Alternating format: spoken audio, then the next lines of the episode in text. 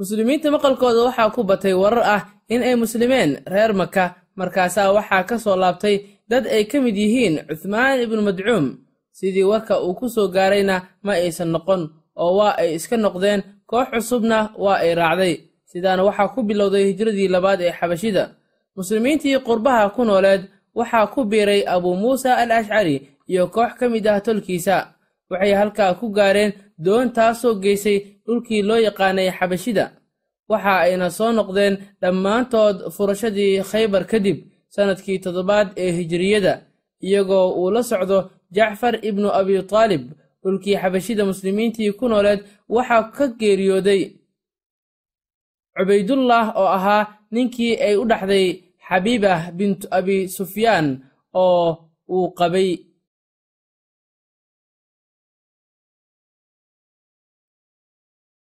iyadoo qalbigeeda la dhowrayo oona la karaameynayo ayaa waxaa doontay rasuulka sala allahu calayhi wasallam iyadoo ku sugan dhulkii xabashida. Waxaa xaflad weyn u dhigay najaashi wuxuuna meher ahaan u siiyey afar kun. Wuuna diyaariyey wuuna soo diray isagoo soo raaciyey shuraxbiil ibnu xasanah cumar ibnulkhataab iyo qaadashadiisii islaamka. Waxa uu ahaa nin xoog badan oo laga boqo. Sidoo kale nin aad u adag dhibana muslimiinta. Saciid ibnu zayd oo cumar in adeerkiis ahaa iyo walaashiisii faatima saygeedii ayaa yidhi ka hor cumar inta uusan islaamin wuxuu ahaa mid iga xerxera islaamka. Inkastoo cumar uu ahaa mid aad u qalbi adag haddana waxa uu lahaa naf aad u jilicsan oo marka la eego dadka masaakiinta ah u jilicsan. Sifadaas ayuu ku tilmaamay in uu lahaa cumar sidoo kale waxa uu ahaa mid turid badan oo ay ku qarsoon tahay naxariis fara badan waxaana arrintaa nooga warantay ummu cabdulaahi bintu abi xathma oo ka mid ahayd muslimiintii u hijrootay dhulkii xabashida. Waxay tiri wallaahi waxaannu u xirxirannay aadistii dhulkii xabashida. Caamirna waxa uu aaday inuu wax inoo soo qabto.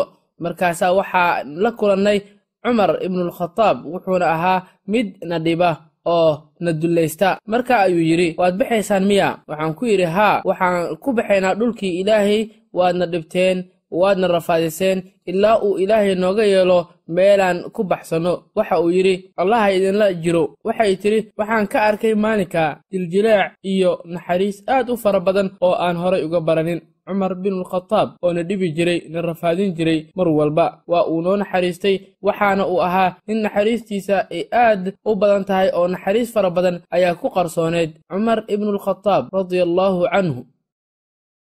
Dabadeedna wuu iska sii socday isagoo ay murjisay bixitaankeenii. Intaa kadib waxaa yimid caamir. Waxaan ku yidhi allah haddaad arki lahayd cumar wax yar ka hor iyo sida uu uga murugooday bixitaankeenii waxa uu ugu yidhi ma waxaad rajo ka qabtaa inuu islaamka qaato? Waxaan ku yidhi haa. Waxa uu igu yidhi kaad aragtay ma soo islaamayo ilaa uu dameerkiisa ka soo islaamo. Waxaana muuqato qiyaasta haweenayda in ay ka xoog badneed midda ninka. Waayo cumar waxa uu ku soo islaamay ducadii nebiga ay ahayd. Allahayow islaamka laba cumar midkood ugu gargaar. Ibnu mascuud ayaa yidhi cumar markuu islaamay wixii ka dambeeyey waxaan ahayn kuwo dadka ugu sharafta badan. Waxaana ku dukan jirnay kacbada gudaheeda kadibna waxa uu la dagaalamay cumar dadkii gaalada ahaa ilaa ugu dambeyn ay noo oggolaadaan in aynu si xorriyad ah aynu ugu dukanno gudaha kacbada. Cumar wuu soo islaamay.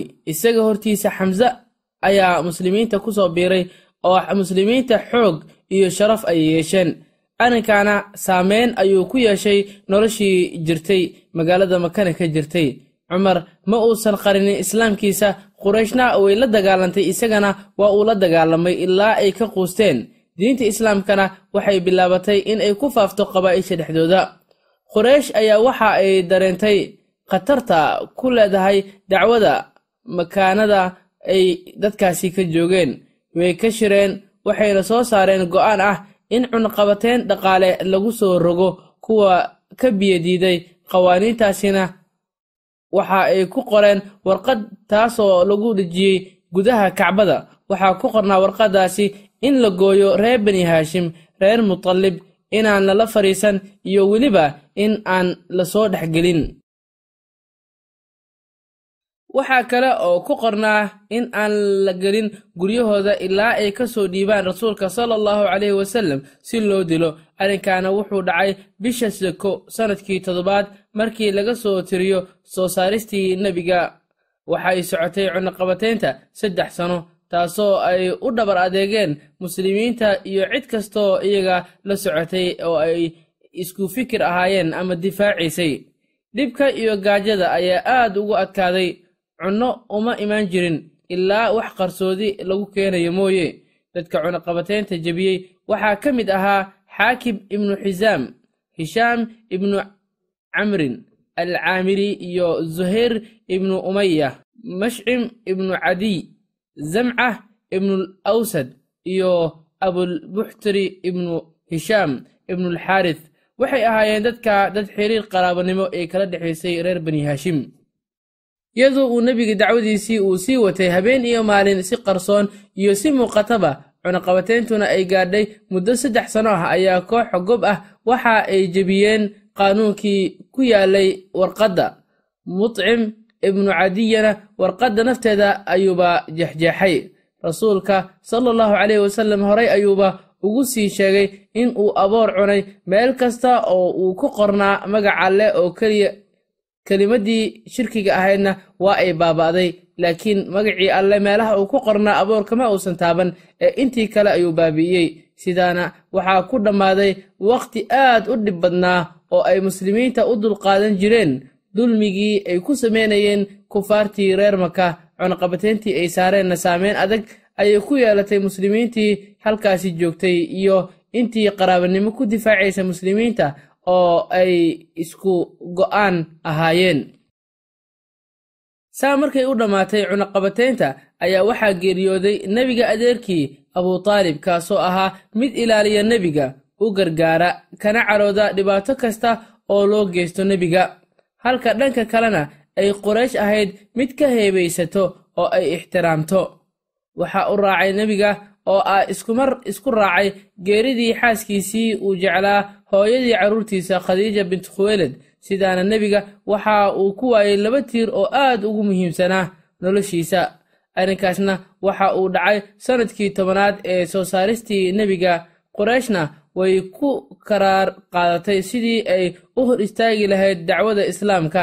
Nebigana waxa ay u geysteen dhibaatooyin aysan gaarsiin jirin xilligii uu noolaa. Adeerkii abitaalib intaa kadibna nebiga wuu ka baxay magaalada maka isagoo gargaar ka dalbanaya qabaa'isha deriskale ah quraysh wuxuu aaday reer thaqiif oo degganaa daa'if taasoo nebiga xusuusyo gooni ah u lahayd. Waxay ka agdhoweyd guryihii ay degganaayeen haweenaydii soo naasnuujisay nebiga sala allahu caleyhi wasallam ee la odhan jiray xaliimatu sacdiya. Hase yeeshee reer thaqiif inay dacwadii nebiga ajiibaan iska daayey waxa ay ku direen nebiga carruurtooda addoommadooda iyo dabaaladooda way isugu soo urureen dhagax tuurna waa ay kala daaleen. Nebiga sala allahu caleyhi wasallam waxa uu magangalay beer ay lahaayeen ilmo rabiica oo kale ah shayba iyo cutba geed canab ah ayuu hoos harsaday isagoo iska tirtiraya dhiigga gondihiisa ka da'aya weliba isagoo aad u murugaysan. Waxaana ku yaallay jidhkiisa daqarro iyo dhiig ka socday oo ay u geysteen. Dhibaatada carruurtii addoommadii iyo dadkii waalnaa iyo doqomadii ay lahaayeen reer thaqiif ee nebiga sala allahu caleyhi wasallam ku soo direen xilligii halkaasi uu tegay asigoo magangelyo doon ah madaxiisa ayuu kor u qaaday nebiga isagoo baryaya allaah waxaa arkay ilmo rabiica waxa ay u yeereen wiil addoon ah oo ay lahaayeen oo kirishtaan ahaa oo la odhan jiray caddaas waxayna ku dhaheen xoogaagan cinibka ah qaad saxanka saar ee ninka u gee caddaasna waa uu qaaday waxa uuna hordhigay nebiga sala allahu calayhi wasallam. Markii uu bilaabay nebiga ayuu yidhi bismillaah kadib ayuu cunay caddaas ayaa fiiriyey wejiga rasuulka markaasuu ku yidhi ilaah baan ku dhaartee hadalka ma dhahaan dadka dega halkan. Nebigana waxa uu ugu jawaabay adiga halkeed ka soo jeeddaa maxayse tahay diintaada? Waxa uu yidhi ninkii yaraa ee caddaas la odhan jiray naynaba ayaan ka soo jeedaa waxaana haystaa diinta masiixiyadda. Hadalkaasi ayuu yidhi caddaas inankii yaraa ee masiixiga ahaa ee addoonka ahaa nebiga ayaa ugu jawaabay waxaad ka soo jeeddaa magaaladii ninkii wanaagsanaa yuunus ibnu mata. Cadaas isagoo yaaban ayuu yidhi maxaa ku baray yuunis nebiga ayaa ugu jawaabay kaasi waa walaalkay nebi ayuu ahaa anne nebi ayaan ahay. Cadaas ayaa ku dul hagoogtay nebiga sala allahu calayhi wasallam oo ka dhunkaday madaxa gacmaha iyo lugaha cadaas markii uu u soo noqday ilmo rabiicah oo uu addoon u ahaa waxa ay ku dhaheen hooge maxaad samaysay? Yuusan diintaada kaa qalloocinin waayo diintaada ayaa kaaga qayr badan tiisa. Waxa uu ku yidhi caddaas addoonkii ilmo rabiica waxa uu ii sheegay ninkaasi war uusan sheegi karin ilaa nin nebi ah mooyaane. Warkaasi ayuu maqlay caddaas ayuu u sheegay inamadii uu addoonka u ahaa caaisha allaha ka raali noqday ayaa tiri rasuulka sala allahu caleyh wasallam ayaan weydiiyey maalin maalintii uxud kaaga darnayd miyay jirtay? Waxa uu yidhi qoomkaaga dhibaato badan ayaan kala kulmay. Waxaase ugu darnayd maalinkii caqaba oo uu ula jeeday maalintii daa'if maalinka waxaan magangalay ibnu cabdileyl ima uu ajiibin. Waan iska tegay anoo murugaysan. Biyo aan cabana waxa iigu horraysay markii aan gaaray meesha la yidhaahdo qarnu thacaalib madaxayga ayaan kor u qaaday waxaan is arkay anoo ay haraynayso daruur waan eegay waxa igaga dhex hadlay oo aan ka maqlay dhawaaqiisii malakul jibriil oo igu dheh. Alle waa uu maqlay waxa qoomkaaga kugula hadleen. Wuxuuna kuu soo diray malagga buuraha si aad u amarto wixii aad doonaysid. Oo malaggii buuraha ayaa la socday jibriil calayhi salaam waxaa ii dhawaaqay malaggii buuraha iguna yidhi maxamedow alle waa uu maqlay waxa qoomkaaga kugula hadleen. Anna waxaan ahay malaggii buuraha rabbigaaga ayaana ii kaa soo diray si aad ii amarto waxa aad doonayso. Haddaad doonto waxaan ku daboolayaa labada buur ee laysku yidhaahdo al akshabeen rasuulkii ilaahay ayaa waxa uu yidhi maya waxaan ilaahay ka rajaynayaa inuu dhabarkooda ka soo saaro cid caabudda alle keligii oo aan u shariig yeelin dheelmintii nebiga. Abutaalib geeridii kadib waxaa soo batay qoraysh dhibkii ay ku haysay muslimiinta. Nebigana waxaa noloshiisii hareeyey murugo aad u fara badan oo waa uu murugooday dhibaatada muslimiinta lagu haayo ayuuna ka murugooday nebiga sala allahu calayhi wasallam. Murugtiisana waxay ahayd mid joogto ah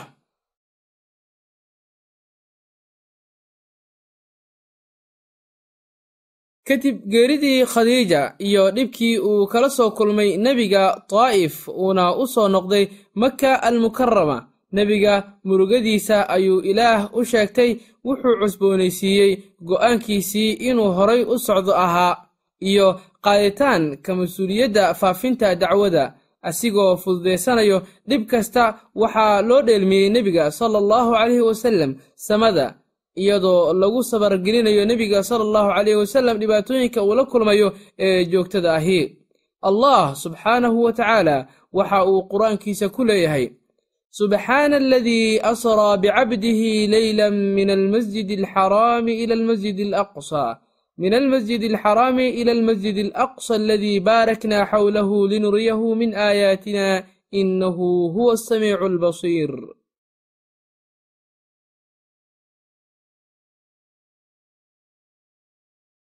anas waxaa laga wariyey in uu yidhi abudar ayaa ka sheekeeyey inuu rasuulka sala allahu calayh wasallam yidhi waxaa la furay saqafka gurigayga anoo maka ku sugan. Jibriil ayaa soo degay laabtayda ayuu furay.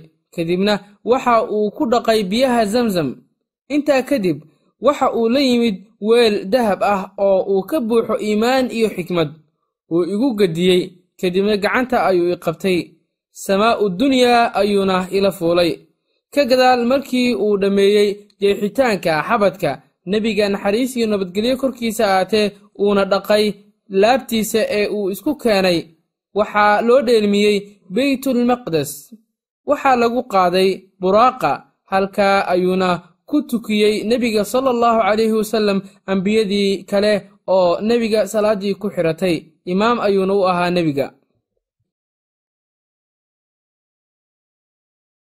waxaa loo tilmaamay qaababkooda.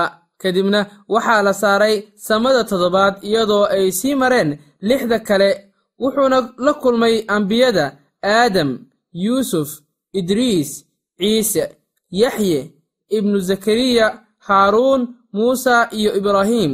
Wuxuu soo maqlay nebiga malaa'igta qalinkooda dhawaaqiisa. Waxaana lagu soo wejib yeelay salaadda wuxuu tilmaan ka bixiyey nebiga naxariistii nabadgelyo korkiisa ahatee geedka loo yaqaano sidratul-muntaha beytulmacmuur webiga kawthar iyo webiyada jannada ee uu soo arkay. Wuxuu kaloo sheegay sida loo cadaabayo kuwa dadka xanta. Wuxuu doortay koobka caanaha markii loo soo qaaday koob qamro malab iyo caano. Waxaa ku dheelmiyey alleh iyadoo malaa'igta iyo rusushaba ay kugu sugayaan masjidul aqsaa markaad u timid waxay la kulmeen sayidkooda. Sida xiddigga oo la kulmay dayaxa habeenkiisii afar iyo tobanaad ama ciidanka oo loo taagay calankoodii oo kale. Waxay ku tukadeen gadaashaada ciddii haleesha alle kii uu jeclaa imaam ayay ka dhigataa. Waxaad ula timid samaawaadka nuur. Buraaqada aad saarneedna waa midaan laga dhex helin gaadiidka. Waa doonista alleh iyo farsamadiisa alle awooddiisa way ka weyn tahay midda la tuhmo laga shakiyo. Safarka samada uu ku tegay nebiga naxariistii nabadgelyo korkiisa ahaatee wuu ka soo noqday. Kadibna qoomkiisii ayuu uga warramay mu'miniinta waa ay rumeeyeen mushrikiintiina waa ay beeniyeen. Safarkii uu nebiga u baxay iyo qaabkii uu uga sheekeeyey intaba oo mushrikiintii iyo mu'miniintii waa ay ku kala fikir duwanaayeen rasuulka waxa uu yidhi waxaan joogay xajrul aswadka iyadoo qorayshna ay iweydiinaysay dheelminta. Waxay wax iga weydiiyeen waxyaabo ku yaalla baytulmaqdis maanan sheegi karin ilaa uu allah subxaanahu wa tacaala uu xijaabkii iiga qaaday oo aan u sheegay wax kasta oo ay weydiiyeen. Waa lagu fidneeyey mushrikiinta dhacdadan. Qaar waa ay rumeeyeen qaarna waa ay sacbiyeen. Kuwo kalena yaab iyo qiritaan ayay isku dareen qaar muslimiinta ka mid ahna diinta ayayba ka noqdeen. Markii loo sheegay abubakar sidiiq dheelminta nebiga waxa uu yidhi haddii uu isaga saa yidhi waa runtii waxay ku dhaheen. Haddana ma waxaad u rumaynaysaa in uu habeenkii tegey baytulmaqdes uu aaday asigoo maka ka tegey miyaad u rumaynaysaa abubakarow iyagoo cajab iyo layaab ay la tahay arrinkaasi ayay abubakar su'aasha ku adkeeyeen oo ay weydiiyeen abuubakarna waa uu rumeeyey nebiga. Waxa uu ugu jawaabay abubakar mushrikiintii su'aalay haa waxaan u rumaynayaa wax intaa ka fog. Warka samada uu ka keeno ayaan rumaynayaa. Saa darteed waxaa loogu magacdaray abubakar sidiiq oo macnaheedu yahay runbadane dheelminta nebiga waxa ay u ahayd rasuulka xasilin iyo samirsiin halka gaalada lagu fidneeyey. Rabbi waxa uu yidhi kamana aanan yeelin riyadan ku tusnay fidnada dadka mooyaane. Ugu yeeridda qabaa'isha carbeed rumaynta diinta cusub mana aysan ka fakan jirin rasuulka sala allahu caleyhi wasallam fursad ay dadka isugu imaanayaan. Waxa uu uga faa'iidaysan jiray dacwada in uu gaarsiiyo mar kasta oo koox dad ah ay meel isugu yimaadaan. Inkastoo rasuulka uu inta badan la fiirsan jiray dacwada in uu gaarsiiyo dadka ku cusub magaalada ee u yimaada waxyaabo ay doonayaan. Gaar ahaan isu imaatinka xajga marka ay qabaa'ishoo idin isugu imaanayaan maka wuxuu leeyahay rabiica ibnu cabbaad isagoo goobjoog u ahaa waxaan ku arkay rasuulka sala allahu caleyhi wasallam dilmajaaz meesha la dhaho isagoo dadka u raacaya guryahooda isagoo diinta ugu yeeraya. Waxaa daba socday nin cawaran oo weersho ah kaasoo dadka ku odhan jiray ama mar walbaahi nebiga daba socday asigoo dhahaya dadow yuusan diintiina idinka saarin kan iyo diinta aabbayaashiinna waxaan ku idhi waa kuma kan. Waxa uu iigu jawaabay oo uu yidhi waa abulahab waxyaabihii uu dadka u sheegi jiray nebiga sala allahu calayhi wasallam waxaa ka mid ahaa wardadow waxaad dhahdaan laa ilaaha ila allah waad liibaanaysaane. Wardadow waxaad dhahdaan laa ilaaha ila allah waad liibaanaysaane.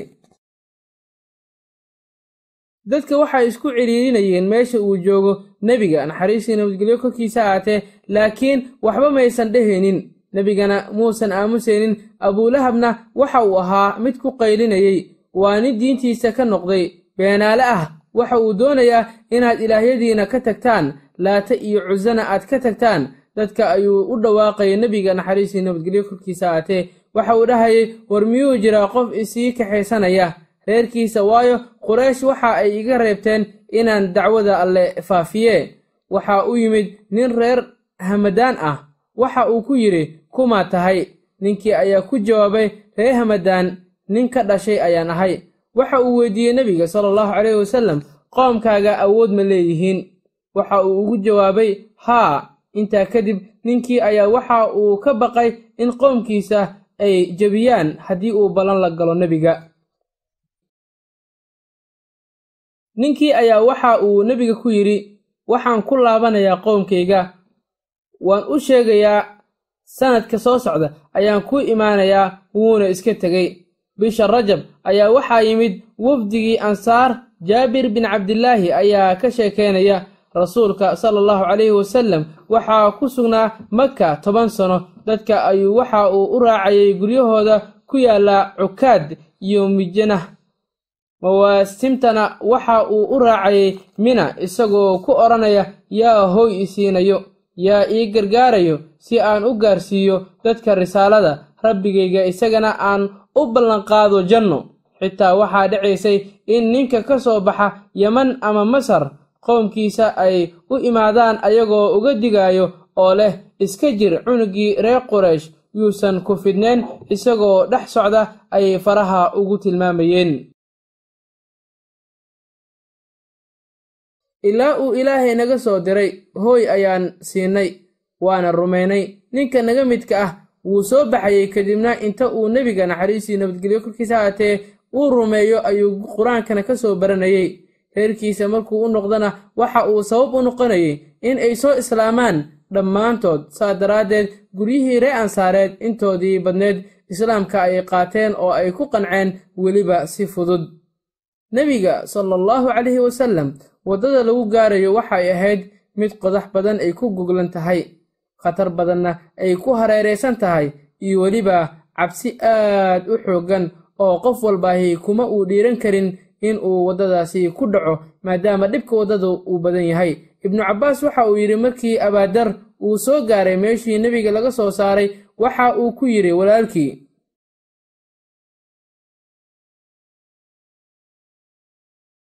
Waxaad gashaa waadigan igana keen warka. Ninka sheegtay inuu yahay nebi looga soo waxyoonayo samada. Ka soo dhegayso kadibna igala soo laabo warka walaalkii wuu ka soo dhegaystay wuuna soo noqday. Wuxuuna ku yidhi waxaan arkay isagoo dadka faraya dabeecadda wanaagsan iyo hadal aan gabay ahayn. Wuxuu ku yidhi waxaan rabay maadan ii keenin isaga ayaa jiscin qaatay oo aaday maka almukarama masaajidka ayuu yimid. Wuxuu raadiyey nebiga naxariistii nabadgelyo korkiisa ahaatee isagoo aan garanaynin xilligaasi nebiga sida uu egyahay. Wuu necbaystay in uu dadka weydiiyo oo uu yidhaahdo waxaan doonayaa hebel iyo qofka noocaasi ah. Habeen way ahayd xilliga uu meesha yimid. Cali ayaa arkay wuuna gartay in qofkani uu yahay qof magaalada ku cusub oo aanay horay u joogi jirin. Way is soo raaceen ismana aysan waraysanin intaas kadib waxa uu qaatay biyihiisa. Masaajidka ayuuna ku noqday. Waa beriga maalinkii dhan ayuu joogay nebigana muusan arag ilaa galab ay noqotay wuxuu u soo noqday halkii uu jiifanayey cali ayaa soo maray oo kaxeeyey mar kale. Sidii oo kale maysan iswaraysanin ilaa maalinkii saddexaad ayuu cali waxa uu ku yidhi ima sheegaysid miyaa warkaaga. Wuxuu ugu jawaabay haddaad hal arrin ballan qaaddo waan fulinayaa. Inaad itusto ciddaan rabo iyo meesha ay joogto. Wuu u fuliyey cali. Wuu kaxeeyey oo waxa uu geeyey nebiga naxariistii nabadgelyo korkiisa ahaatee wuu ka dhegaystay halkii uu ku dhegaysanayey ayuuna ku islaamay ninkaasi markii uu dhegaystay nebiga sala allahu calayhi wasallam hadalkiisii iyo aayadihii qur'aanka kariimka ahaa ee qolkii eebe. Nebiga ayaa ku yidhi qoomkaaga u noqo una sheeg arrinka dacwada ilaa warkayga uu kaaga imaanayo waxa uu yidhi ilaahay baan ku dhaartay quraysh waan maqashiinayaa islaamkayga. Wuu soo baxay masjidka ayuu yimaaday codkiisa meesha ugu sarraysa ayuuna ku dhawaaqay asigoo dhahaya ashhadu an laa ilaaha ila allahu wa ashhadu anna muxammadan rasuuluullah sala allahu caleyh wasalam way ku soo kala yaacday quraysh wayna garaaceen. Waxaa yimid cabbaas oo ka celiyey kuna yidhi waad hogteen ma garanaysaan miya inuu ninka ka soo jeedo reer kafaar waddada ganacsiga shaamna ay deggan yihiin. Sidaa ayuuna ku badbaadiyey maalinkii labaadna waxa uu ku soo laabtay isla goobtii asigoo sidii oo kale ula jahray kelimadii tawxiidka iyo islaamnimadiisii mar labaadna waa ay